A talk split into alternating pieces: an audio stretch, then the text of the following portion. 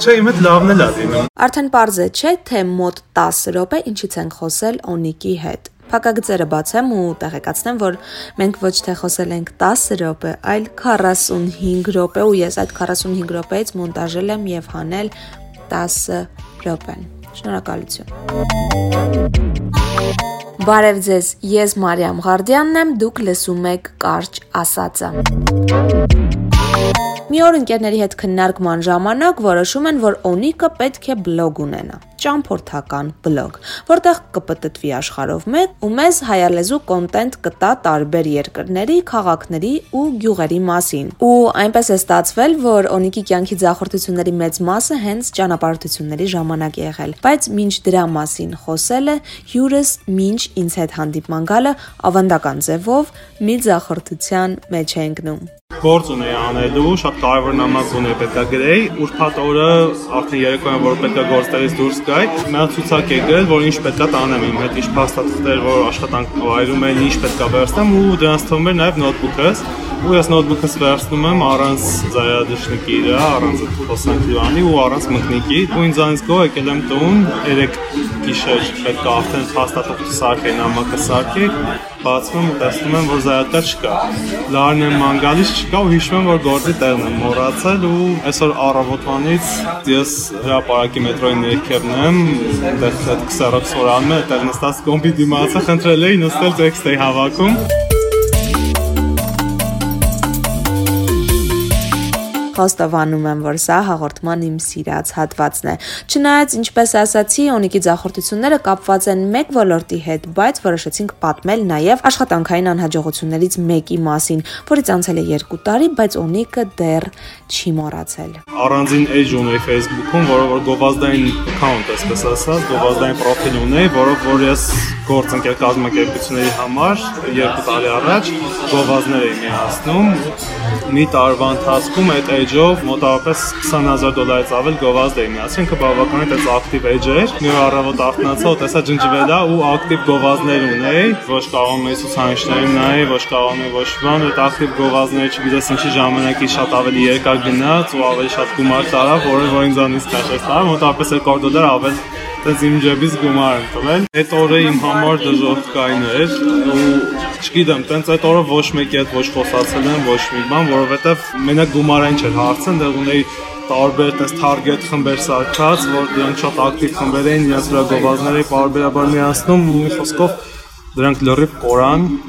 ցավոք սրտի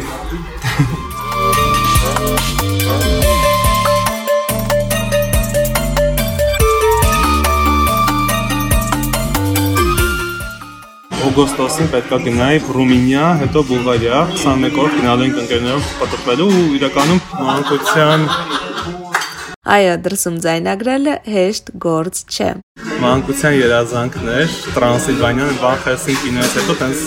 կար այդ բանը։ Ու անընդհատ ինչ-որ վիդեոներ էին գալիս YouTube-ում կապված Յուբանի հետ։ Ռումինիայի հետ հասկանայի ու կարելի է գնալ, որ չգնանք այդտեղ տեղում ընկնենք մանգանք, նախապես պլանավորենք ու գնենք ու ոնց նայում էի չկար նորմալ վիդեոներ, որ կար ասես կետ ծես կետը գնաս, այն կետը ծեն կետը գնաս ու տենց հայ հայերեն լեզվով թե կապ չուներ։ Նա ռուսերեն էլ չկար, անգլերեն մի քանի բաներ կար, տենց ֆեստիվալներ էին ինչ-որ մեկ արել։ Գնացի Ռումինիա, իրականում հիմա այդ վիդեոները միջև հիմա կամ մոնտաժ չեմ արել, այնտեղ երևի ժամուկես քաղաքում քայլում, ժամուկես վիդեո եմ արել, անիմաստ, դե չգիտեի ոնց անեի, ինչ անեի Մի խոսքով այդ վիդեոները տենց էլ մնացին, մի քանի բան ստացվեց, որ տենց կտղեմ նախ սկզբից քաշվում էի, չէի կարողանում խոսալ, որ խոսալով քայլում էի կամերան վրա սպահած, ինչ որ մեկը նայում էր կողքից, տենց քաշվում էի, հա։ Ամեն տեղ է նայում, չէ, ամեն տեղ է նայում։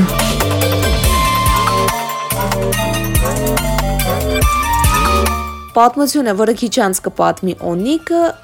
որոշել եմ վերնագրել Հայի բախտ դրոն էի առել, դրոնս հենց առել եմ եկավ Հայաստան հասավ, մյուս օրը գնացին Ռումինիա։ Տենց փակաստուփով տարել են դեռ բացեցի։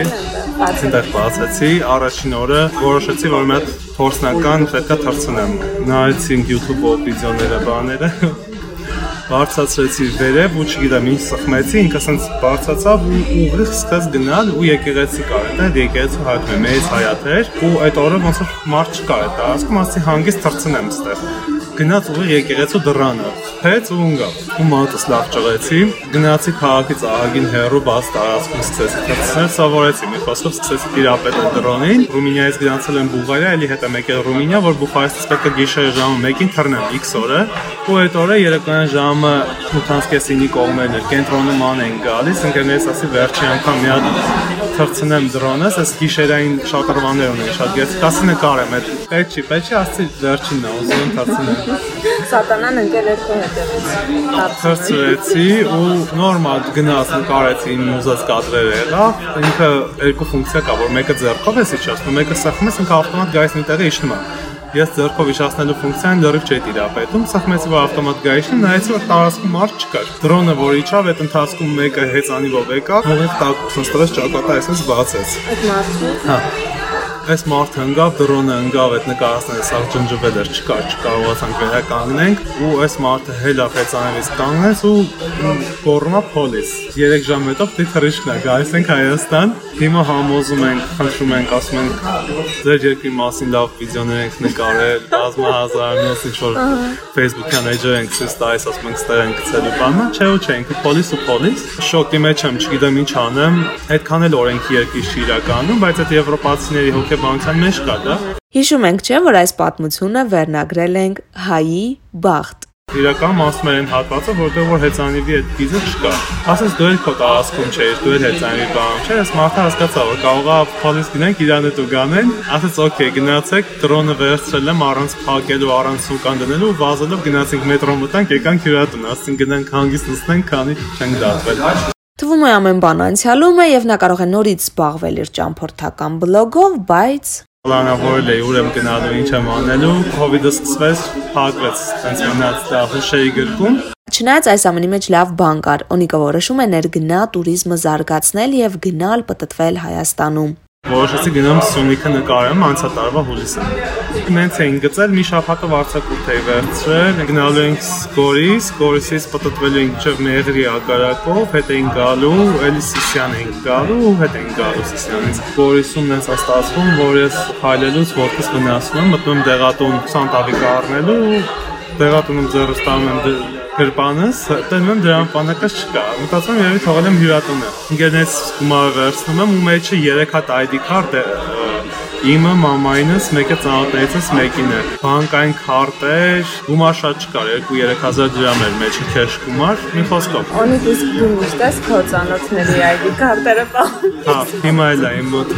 էլի այդ երեքի նկարам ցույց տամ ես այդ շոկի մեջ էլի դրամապանակս փորձրել եմ ու այդքան չեմ մտածում դրամապանակի ինչքան այդ քարտերի համար որտեվ դժվար է ID քարտ վերականգնելը Հեղատնից դուրս եկա, գնացինք հյուրատուն, նայում եմ չկա դրամապանակս, այդ օրը իլիկունը ու հաջորդ օրը առավոտը ես ինչքան գորես եմ խայլել եմ այդ նույն տարածքներով, ասելով հստակ պատտվել եմ, որ դրամապանակս չկա ու չկա։ Դեղատանը, որ կանգնում են, դեղատանը պարուսակը բացնում որ պորտմանս անեն, զոնցիկ այլ, զոնցիկ որ բացում, ընգնում է գետի։ Տեղական աշխատողը վերցնում է դնում է իրանց մոտ, բայց ես արդեն ինքան հեռու եմ, որ ձև չկա հետ գալու։ Մի խոսքով 7 օրը պատտվել եմ առանց դրամապանակ, առանց փող, լավ անկելես հետ էի։ Հիշում եք, չէ՞, սկզբում Մոնիկն ինչ ասաց։ Չէ, իմ հետ լավն էլ ա լինում։ Այո, նրա հետ լավն էլ է պատահում, իսկ լավն այն է, որ այս քանզախորտությունների մեջ Օնիկը երբեք պանիկա չի անում, չի ընկճվում ու թևաթափ չի լինում։ Ես իրականում ոչ մի չեմ մտածում, ես ես նստում եմ ու հիմնականում այդ դեպքերը որ լինում է իմ ընկերների հետ է լինում ու իրանք են ասում ոնց որ հավ լինես